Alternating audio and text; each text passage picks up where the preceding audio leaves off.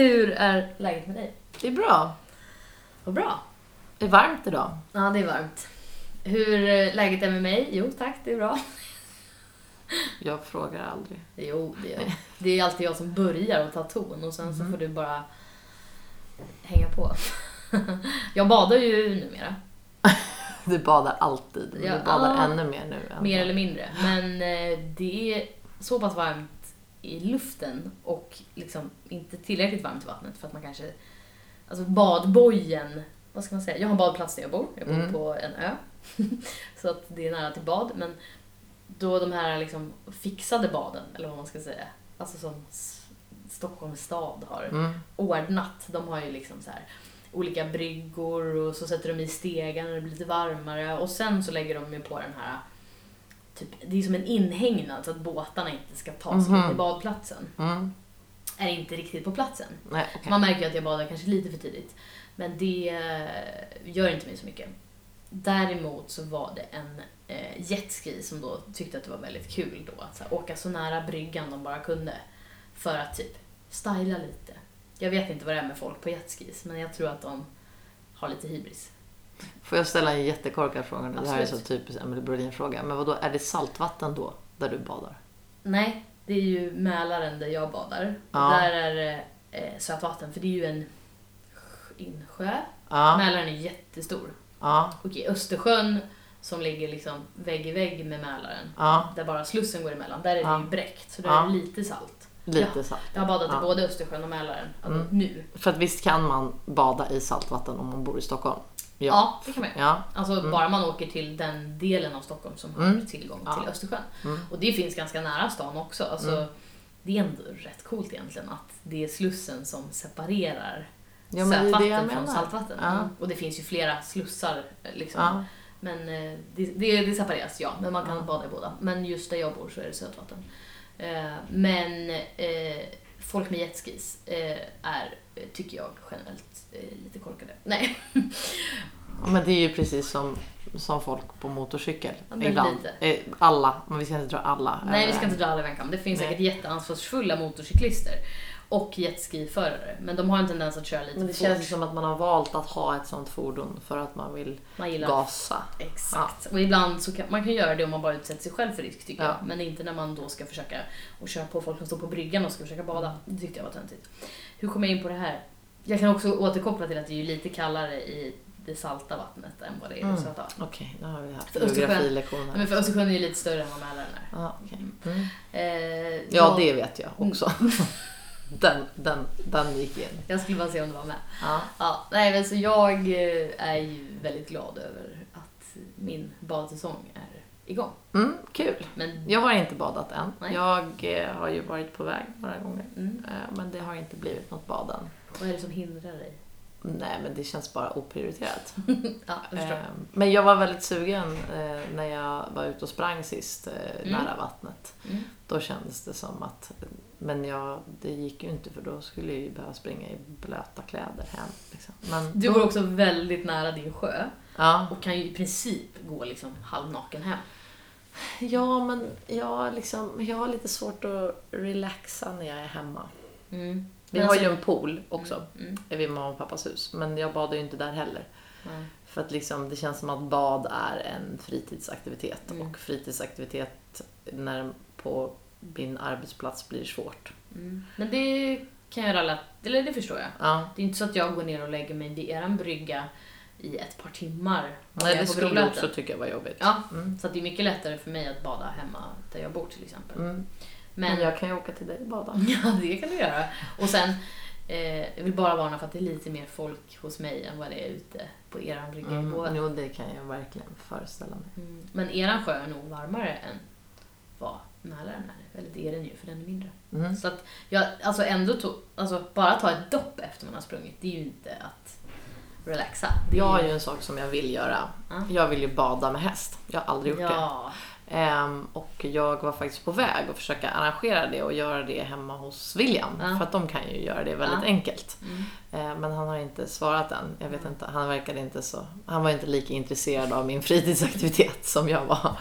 Men det känns som att eh, det skulle vara väldigt kul. Men han gör ju det som en Träning. Träning? Ja, men jag skulle också kunna tänka mig att göra det. Mm. Som en träning. Men jag, alltså jag tänker också att det vore ashäftigt, men också Ja. lite läskigt. Ja, eller... Tänk om man trillar i, för så hovarna flyger ju liksom väldigt så här. jag vet inte. Nej, det är du inte rädd för. Nej, men jag tänker att har inte det där någon typ av, av, av liksom kraft då? Att vattnet bromsar upp lite så att det inte blir lika kvicka smällar? Kanske. Men typ har man hjälm på sig när man simmar med hästar? Ja, det kan man väl ha. Jag tänker att, det, att simma med Williams kläder... hjälm är alltid blöt. Att simma med kläder är ju Mm. svårare. Ja, men alltså jag kan återkoppla det där. Jag är Mm. inte så bra på det här. Nej, så att nej, säga. jag bara- Mm. Lyfter... Mm. Men jag skulle ju också kunna tänka mig att göra det på en Connemara. Ah, jag med. Bara för att liksom vara helt safe Mm. Kanske, när för, man gör det. kanske första gången på en Connemara. Ja. Så tänker jag med allt. Jag Mm. skulle ju vilja prova... Eh, jag har ju inte hoppat eh, terränghinder någon gång i livet. Och jag egentligen för feg för att rida min egen häst i terräng. Det är vi överens om. Men jag tänker att jag borde våga det på en Och Ja. att om man börjar med Connemara så tycker man att det är kul och det funkar bra. Då Mm. kanske man kan gå till någonting lite större. Men tillbaka till det här med vattnet så känner jag att hästarna kan ju känna sig ganska otrygga. Mm. Eller de blir ganska lugna för att det är någonting de inte kan kontrollera. Ja, Så att därför blir det mer safe också. Jag vet inte. att vara i vatten med hästar. Mm. Nej, jag vet inte. Det är också, här kommer också få massor med kommentarer nu. Folk som berättar Nej, men jag hur det är att bada med häst. jo, men jag tror att det kanske inte är supervanligt heller. Nej, Alltså majoriteten som lyssnar på det här har nog inte badat med häst. men på många ridläger gör de det. Vi kan ju bara inte göra det för att vi inte... Ja, men det är skillnad på att bada med en häst, alltså ut och simma, så att hästen liksom inte har fast mark under fötterna, och att strosa i ett vattenbryn. Ja, det är sant. Alltså det hur tänkte ju... du då? Ja men det gör ju typ alla. Det har jag gjort. Mm. Alltså jag... Men det har inte jag heller gjort. Nej, men när jag, var i, när jag bodde i Göteborg då hade vi så att vi kunde rida till en badplats. Ja. Och dit gick ju vi med hästarna, både barbacka och med full mundering. Och så gick man ut liksom ett par meter och sen stod hästarna där och liksom krafsade i vattnet och så blev man jätteblöt så var det jättekul och hästarna var glada. Men det var ingen sån fin sandstrand som man kunde galoppera kilometervis med. I vatten? Nej. Och då, men hade vi fortsatt ut, då hade ju hästen börjat simma och så långt vågade vi inte. Det, är ju, Nej. det, var ju som en, det är ju som en spärr någonstans, att vågar man sig ge ut Men det är det William gör. Exakt. Han låter dem ju simma. Ja, Mm, som ja, en jag förstår. vattenträning. Mm. Och inte bara att de står och plaskar Fast det vattnet. är ju vattenträning att trava i Jo, vatten också. absolut. Jag menar jag ser Karl Hedin framför mig liksom ute i så här vatten upp till knäna Ja. liksom. Det är ju också bra, väldigt bra Det träning. är jättebra träning, men det är inte att simma med en häst. Nej okej, men jag vill ju bada, bada, rida i vatten med en häst då. Ja, ja, Kan men, jag börja ja, med det? Ja. det eh, skulle jag också vilja göra. Mm. Och då måste vi komma på ett bra ställe vi kan göra det på. Hos William? Ja, det kan vi göra. Ja, Okej. vi gör det. Mm. Taget.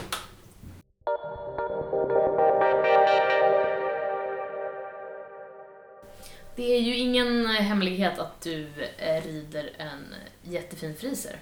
Nej. Och vi har fått väldigt många frågor om det här.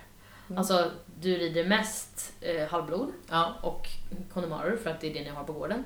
Men eh, ja, vi har fått mycket frågor från folk som antingen har friser eller som är intresserade av rasen. Liksom. Att så här, vad skiljer sig friser mot det du vanligtvis rider på? Mm. Jag tänkte vi skulle prata lite om det bara generellt. För friser är ju en jättehäftig ras som är stor och uttrycksfull och liksom explosiv. Eller är jag ute och cyklar? Jo. Mm. Ja. Ehm, alltså, jag har haft en friser i träning innan Mm. jag fick Flores till mig. Eh, och den frisen hade inte så bra galopp. Mm. Ehm, och det är väl vad man har i dressyrvärlden har hört. Mm. Sådär, Mm. att de har lite, lite svårt för galoppen. Mm. Ehm, och sen fick jag Floris i träning. Och eh, jag har ju också Klas hemma. Mm. Och Klas är ju från Friesland. Alltså friserns ursprung Okej, så i frisen Holland. är från Holland? Ja, och från är. En egen del av, eller liksom en del av Holland. Alltså när jag tänker efter så liknar faktiskt Klas lite Floris. Ja, alltså det är ju frisermänniskorna, det är ju någon sån här ursprungs... De krigade väl Urfolk. åt vi- vikingarna. Mm. Liksom. Mm. Stor och explosiv och... Ja, det, det låter som Klas och Floris. Japp, så att jag nu har två friser här hemma. Mm, nej men det är faktiskt sant. Eh, och så Claes har ju lärt mig lite mer av det här. Mm. Eller om det. Eh, Och då är det ju, till att börja med, det här visste man innan, men det är ju en, en draghäst. Mm. De är ju avlade för att man ska köra med dem. Mm. Eh, och det är därför de har huvudet väldigt högt Mm. och eh, de är väldigt bra på att, när de väl drar i och går iväg så Mm. går de. Typ lite Eh. som en nordsvensk. Ja, eller körhästar. Det finns ju Ja. också holländska körhästar. De Mm. går ju också väldigt högt med nacken Ja. och sänker ryggen lite och trycker i med bogpartiet liksom, Ja. de ska dra. Mm. Ehm, och det är ju också så att ehm, eh, det är ju, man har ju avlat väldigt mycket på exteriören och Mm. den här fina manen och hela den här biten. Mm. Ehm, vilket gör att det har inte mixtrats så mycket Nej. med rasen. Eh, och det tycker jag man kan märka på dem, för nu har jag ju haft lite fler frisrar i träning. Ja. Det här är en egen version nu, ingen får halshugga mig, men Mm. de är väldigt stabila. Mm. De är trygga, Mm. de är lugna, de är lättlärda. Det är många som har frisrar på cirkusar eller gör mycket spex med. Liksom. Mm. De är väldigt lättlärda. Smarta kanske? Ja, Mm. eh, och de är väldigt stabila. Jag tänker på att i, i halvbloden som vi rider och tävlar på i dressyr, de har ju förändrats extremt mycket eh, bara de senaste 20 och 30 åren. Mm. Det har ju inte frisrarna gjort på samma Nej. sätt och därför tror jag att den mentala biten, alltså att de är väldigt mycket stabilare Mm. på det sättet att de är eh, det finns inte en viss friser som är mer spänd eller man pratar Nej. inte vissa blodslinjer i temperament på samma sätt. Utan Nej. jag upplever, det här är min känsla, att de Mm. är att man kanske har försökt behålla den här ursprungsmodellen på hästen och därför har man inte mixtrat så mycket och därför är de extremt sta- stabila. Jag, jag, tycker, jag skulle vilja beskriva de frisrar jag har jobbat med som otroligt snälla och okomplicerade hästar. Mm. Jag håller De är inte särskilt spända eller ser saker eller, och de är väldigt arbetsvilliga. Mm.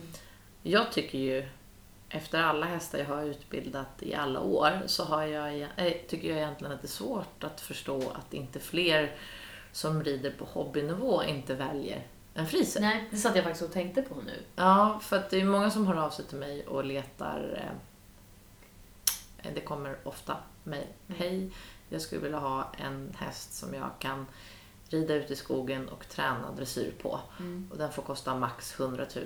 Den ska Mm. vara snäll och trygg Mm. och medelstora gångarter. Mm. Och de halvbloden är ju inte jättelätt att hitta kan jag ju säga. För att om de är utbildade lätt A och väldigt snälla och okomplicerade och ridbara så går de också väldigt lätt att utbilda till medelsvår. Ehm, och då kostar de inte 100 000. Nej.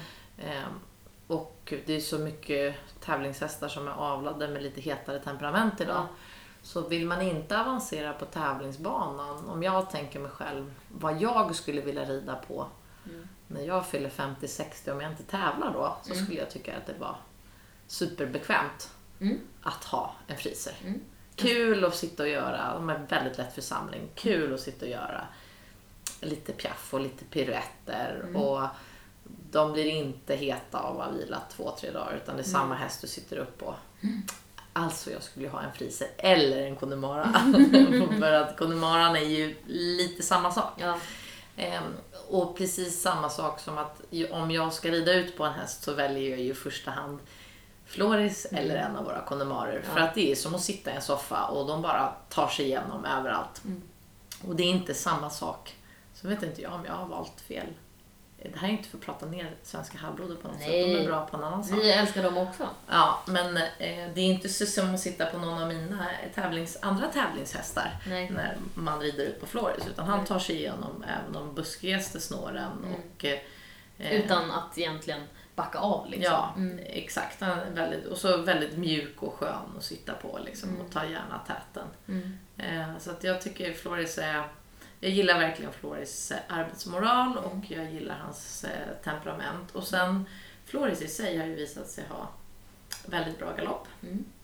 Eh, och det har ju gjort att eh, han visar talang för att utbildas längre. Mm. Eh, det finns ju friserhästar som går Grand Prix dressyr och det finns Mm. en väldigt känd som heter Elias som Mm. tävlar och vinner internationell Grand Prix. Svensk va? Ja, Mm. svensk ägd i alla Så är fall. det. Mm. Mm. Men rids av en Just det. belgisk ryttare. Mm. Mm. Typ så. Jag har också läst eh, Och det är ju, det är ju häftigt att det ändå är en ras som kan gå hela vägen. Men sen ska man ju inte glömma då att det, det är en Ja.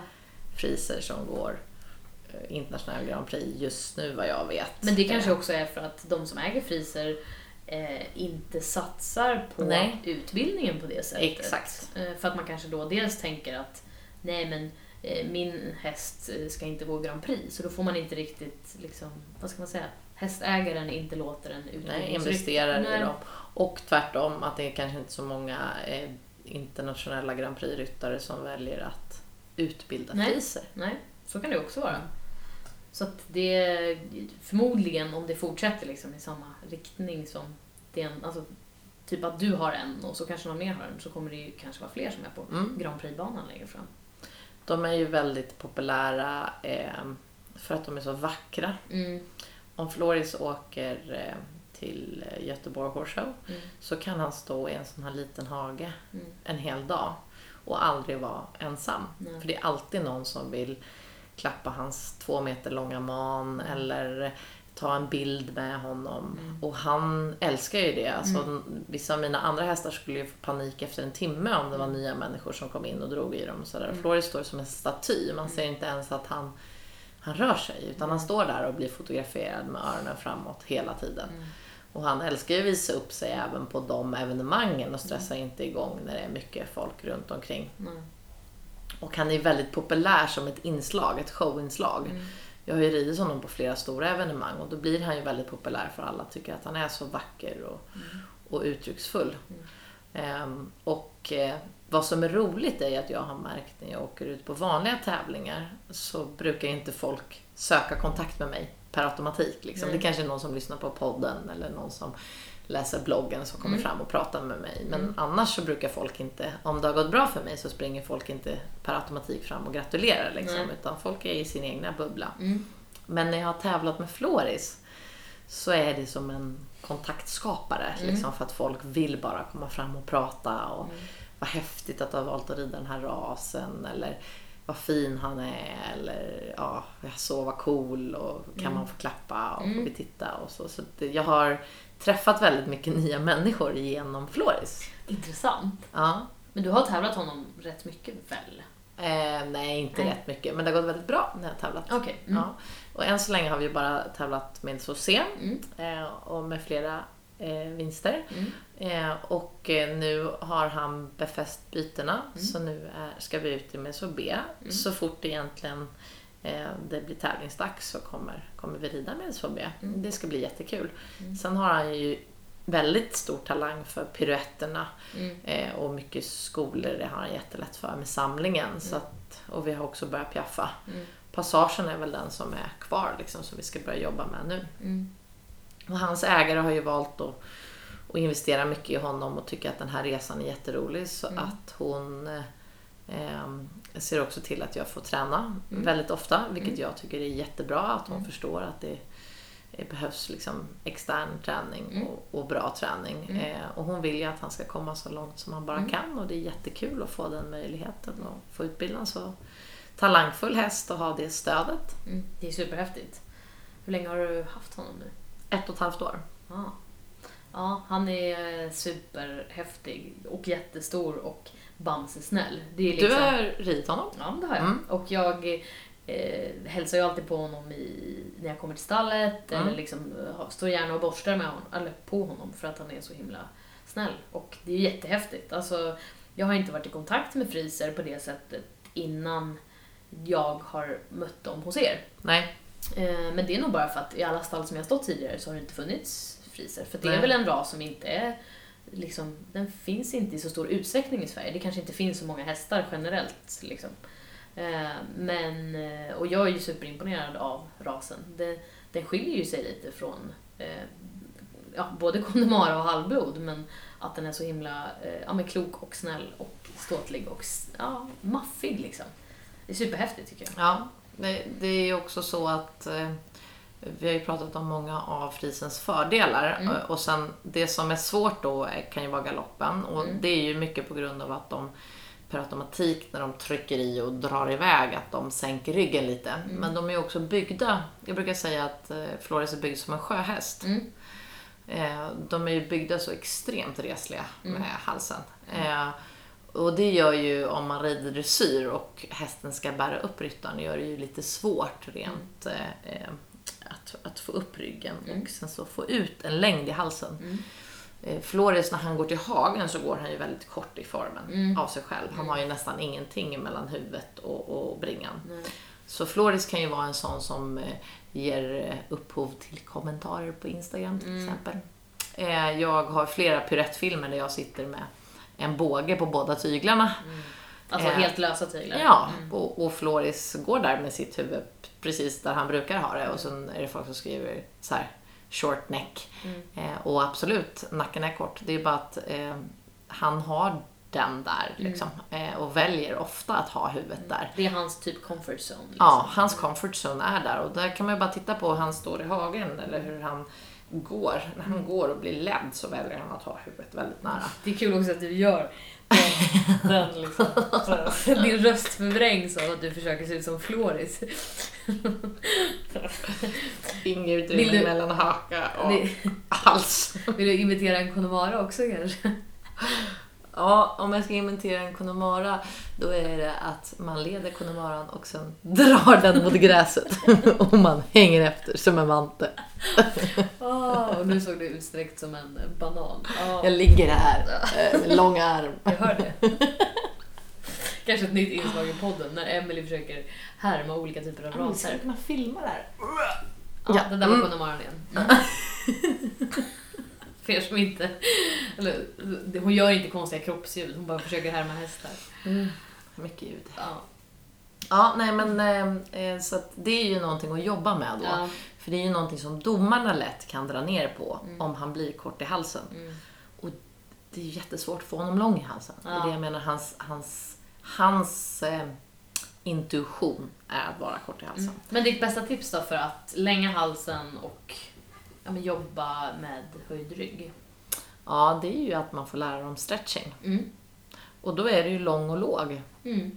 Eh, och att de förstår signalen när man ger tygel att de ska sträcka ut Mm. halsen. Och det har ju jag gjort ett jättejobb med, Floris. Och nu förstår han varenda gång jag bara sätter fram händerna så sätter han ju ner huvudet jätteduktigt. Har han lärt sig det som en signal. Men det är fortfarande svårt för honom. Varenda gång vi gör en svårare rörelse så Exakt. åker ju huvudet upp. För att det är hans comfort zone igen. Och då kanske det inte hjälper i en piruett att du lägger fram handen. Nej, för att han behöver ha huvudet där för att hålla sin balans. Mm. Men, och det är också så att om någon annan sitter upp, till exempel du, Mm. så vill han ju inte ta ner huvudet på samma sätt. Nej. Han är ju mycket, jag skulle vilja säga att Floris är svårare att rida i en bra form än av de andra hästarna jag har. För att de söker sig dit mer naturligt. Mm. Det skulle jag faktiskt säga. Men skulle du säga att det är en enmanshäst för det? Nej, Nej. men man, det är en bra häst att träna upp teknik. Mm. För att man, det du inte får göra i Forrest, du får aldrig ta i honom. Nej. Eller dra liksom. För då går han ju in i dragläge. Mm. Och då trycker han ju bara emot halsen ännu mer. Mm. Liksom. Nu hoppar jag runt här Mm. igen. Du ser ut som en sjöhäst igen. Ja, eh, så att man måste vara väldigt snabb på eftergift. Ja. Eh, och det har jag ju förbättrat tror jag sen jag började rida Flores också. Men märker du det på dina andra hästar också då? Att jag har blivit bättre på eftergift. Ja. Ja, det tycker jag. Mm. Det är ändå intressant att man... Men jag tänker att, att rida för olika typer av tränare och rida liksom, ja, men över bommar som en dressyrryttare eller rida dressyr och inte bara markarbete som en hoppryttare. Att man även kan lära sig olika hästtyper som man rider. Alltså vad heter det, styrkor och svagheter och att man kan ta det mellan hästraserna också, inte bara grenarna. Ja. En helt avstickare i det här så måste jag bara säga att jag red bommar idag. Mm. Och eh, Klas är ju på mig. Alla hästar springer mer inåt i ena varvet Okej. när jag rider över bommar. De trycker liksom mot samma skänkel. Så jag börjar träna verkligen lösgörande och se till att de är liksidiga över bommarna och Mm. sådär. Så var jag själv idag när jag red över bommar och tyckte liksom att jag fick dålig bjudning. Mhm. Och det här kommer låta som världens enklaste grej, men Mm. jag vill bara förklara hur svårt det är fast man rider varje dag och undervisar så mycket som jag gör. Mm. De här små detaljerna som är superenkla. Mm. Och så bara, vad ska jag göra nu liksom? För jag känner mig, jag, blir, jag kommer utanför min comfort zone när jag rider över bommarna för jag, Ja. jag vet inte vilket tempo jag ska ha eller så. Och så bara, ja men okej, nu ska jag titta rakt fram. Alltså jag ska titta på den här pinnen som är, alltså staketet som är Ja. efter bommarna, den ska jag titta på. Och fick rätt avstånd och rätt tempo varje gång. Otroligt. Nej men det är ju inte otroligt. Jo, men det- är det ju. Ja, men Hur eller en sån vilken- liten grej kan göra så stor skillnad. Fast vilken idiot som helst vet ju att man ska titta rakt fram när man rider. Ja, men det är ju samma sak, det, det är samma sak som att du säger till någon som du har lektion för, ner med hälarna. Vilken idiot som helst, och nu gör jag såna här citattecken, som det här avsnittet kanske kommer heta, vilken idiot som helst. Nej men vet ju att man ska ha hälarna neråt. Ja. Ja, men sen så glömmer man bort det. Ja, eller liksom där kommer jag ut från min comfort zone. Ja. Så jag har inte samma balans och samma... eh, Jag är inte lika tydlig mot hästarna som jag är överallt annars. Nej. Utan jag måste till och med ta ett riktmärke Ja. när jag gör det här. Men vad säger hopptränaren varje gång när man ska hoppa över ett hinder? Ja, rakt. Ja, titta rakt, Rakt fram, fram. eh, Titta sikta på bakom nästa. hinder. Ja, Ja. Ja. Det är inte så konstigt att... Nej. Så att jag kunde undervisa mig själv idag. Det var jag väldigt stolt över. Att jag kom på det själv. Och vilken skillnad det gjorde på min egen sits. Mm. Ehm, och jag travade för övrigt bommar på Floris också idag. Mm. Kul. Ja. Ja, det är eh, nog så viktigt att eh, variera sitt arbete. Eh, Floris, friser, vart var vi? Nej, men att eh, det är bra med varierad träning. Nej, det var nog inte riktigt det vi pratade om. va? Nej, men generellt. Eh, jag, jag kan ju bara... Eh, alltså, det är en av lyssnarna då. Vi har fått in flera frågor om, om friser, eh, men bland annat då tips på övningar som är stärkande. Vi kanske har varit inne lite på det, men hur man kan få en mer svävande trav och en galopp där man kommer upp med näsan mer istället för att krypa ihop eller kommer fram med näsan tror jag att personen i fråga undrar. Okej, du sa tips på övningar som är Stärkande. så att de får en bättre form. Ja. Ja, men det jag började med Floris då, eh, när han kom till mig så var han väldigt springig upplevde jag. Alltså Ja. återigen gå tillbaka till det här dragläget, att han ville dra med mig någonstans. Liksom. Så jag hade väldigt svårt med tempokontrollen. Mm. Och jag tyckte själv att jag tränade mycket övergångar men jag fick liksom inte riktigt ner huvudet och jag ville inte ta några hjälptyglar och Nej. forcera utan jag ville att han skulle lära sig det här. Ehm, och då red jag ganska tidigt för Janna Högberg Mm. och då sa hon att eh, jag skulle rida ett väldigt, väldigt långsamt tempo. Mm. Eh, och det här är ju någonting jag lägger in jättemycket i min träning. Normalt sett att jag ska äga tempot själv, att det är mitt tempo och inte hästens tempo. Men eh, det blev så tydligt när jag gick ner i tempo där Floris knappt kunde trava var det första gången som han släppte ner huvudet. Mm. Och det lustiga är att när man går till skritt då blir han väldigt hög i formen igen. Så att jag var tvungen att hitta det här långsamma travläget. Och då sänkte han huvudet för att det blev så jobbigt att jobba samling i den höga formen. Mm. Och det gjorde jag väldigt länge. Mm. Eh, att jag red lätt med lite längre tyglar och en väldigt långsam trav. Mm. Eh, och det är ju olika på olika hästar. Jag, Såklart. det, vissa hästar är ju korta i formen för att de springer Mm. och andra hästar kan bli korta i formen utan kontakt för att de inte har någon energi alls. Mm. Eh, men tipset är ju att, att mixtra med tempot och sätta hästen i ett läge där den måste söka sig i rätt läge för att kunna jobba rätt. Mm. Ehm, och sen har det ju varit väldigt mycket övergångar på Floris för att det är alltid där som huvudet åker upp. Alltså om jag bryter av till skritt eller om jag fattar galopp Mm. eller om jag ska börja trava så behöver han ta i mer och då kanske han höjer upp huvudet lite. Och då hittar man ju lättare ett bra dragläge och chansen att inverka så att formen ändras. Så att vi har jobbat väldigt mycket övergångar. Mm. Och sen var också en fråga hur man kan få en mer svävande trav och en galopp där man kommer då ut med näsan. Ja, och ut med näsan är ju det här att ha hästen framför skänken och ha tempokontroll så att inte, och när den äger tempot då får man ju oftast inte rätt energi in i handen bakifrån. Mm.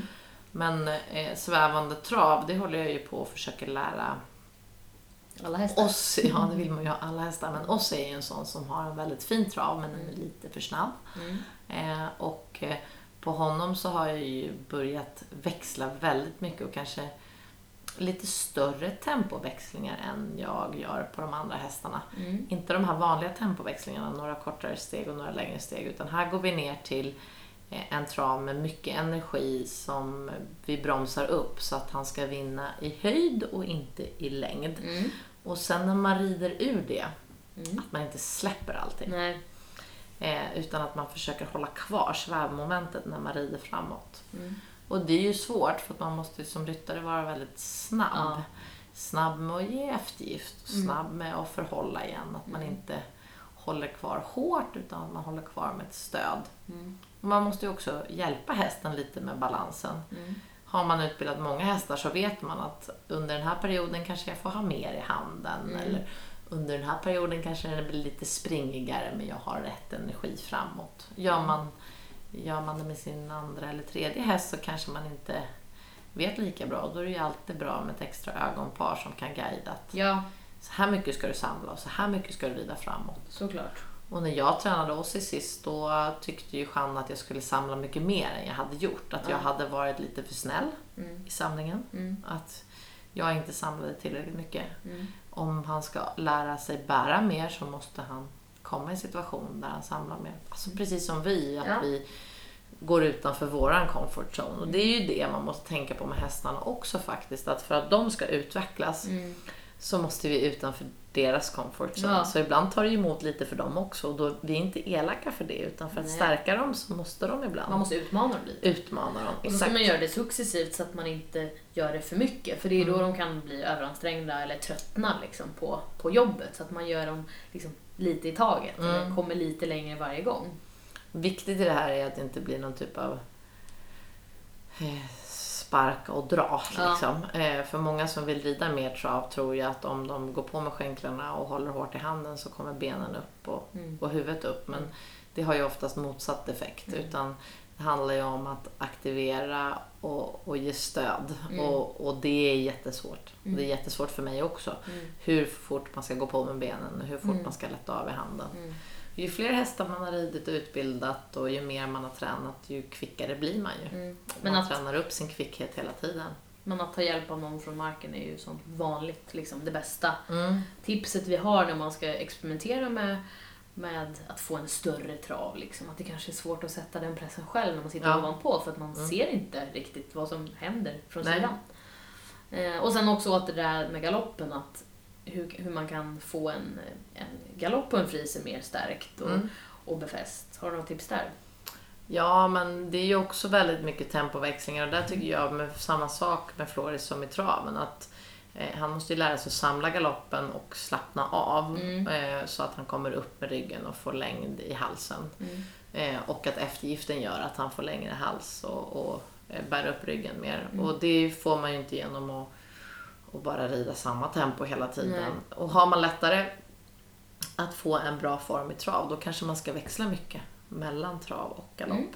För det har jag också gjort mycket på Floris, mycket övergångar så att han har sänkt sig ner i trav Mm. lättridning och så fattat galopp igen.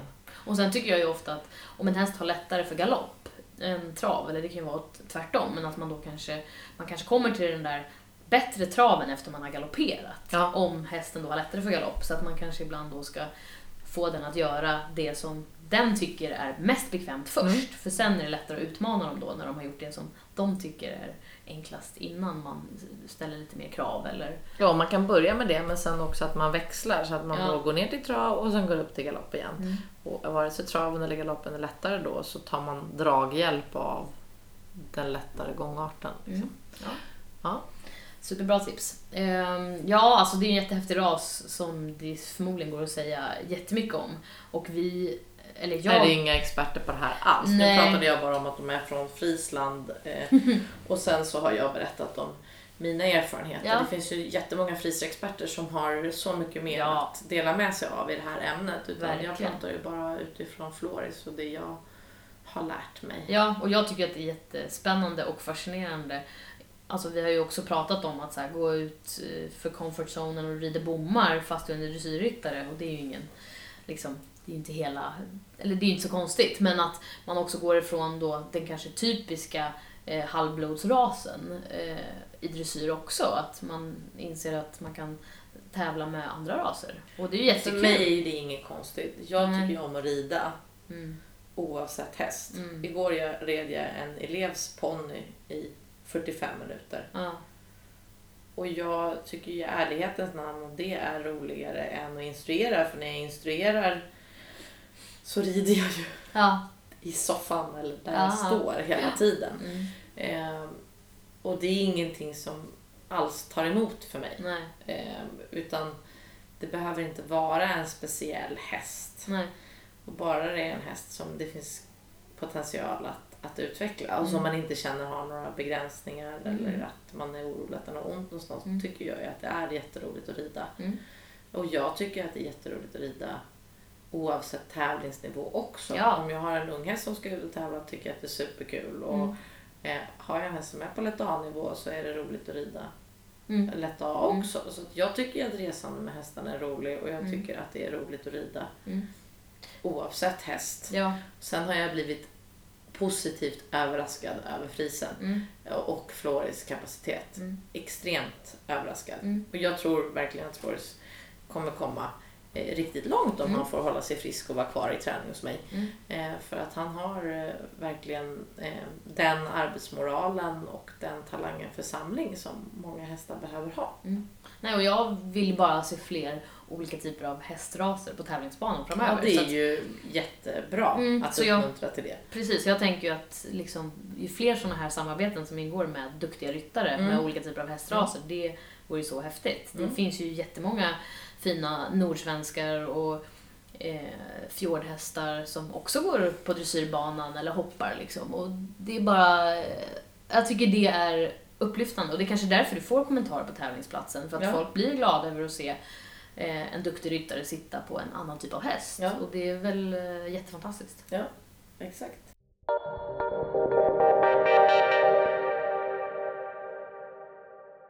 Återigen så skulle man ju kunna prata hur länge som helst om, eh, eller vi har ju en tendens att prata hur länge som helst om saker som vi börjar diskutera.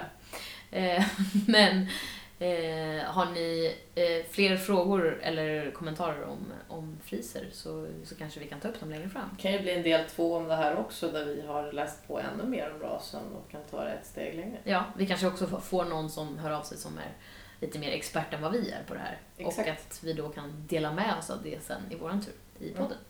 Eh, men tills dess så får ni jättegärna eh, gå in och fortsätta skicka frågor på Barbackapoddens Instagram i DM eller skicka mail till barbacapodden gmail.com. Eh, så hörs vi om en vecka igen. Tack för idag. Tack för idag. Hejdå!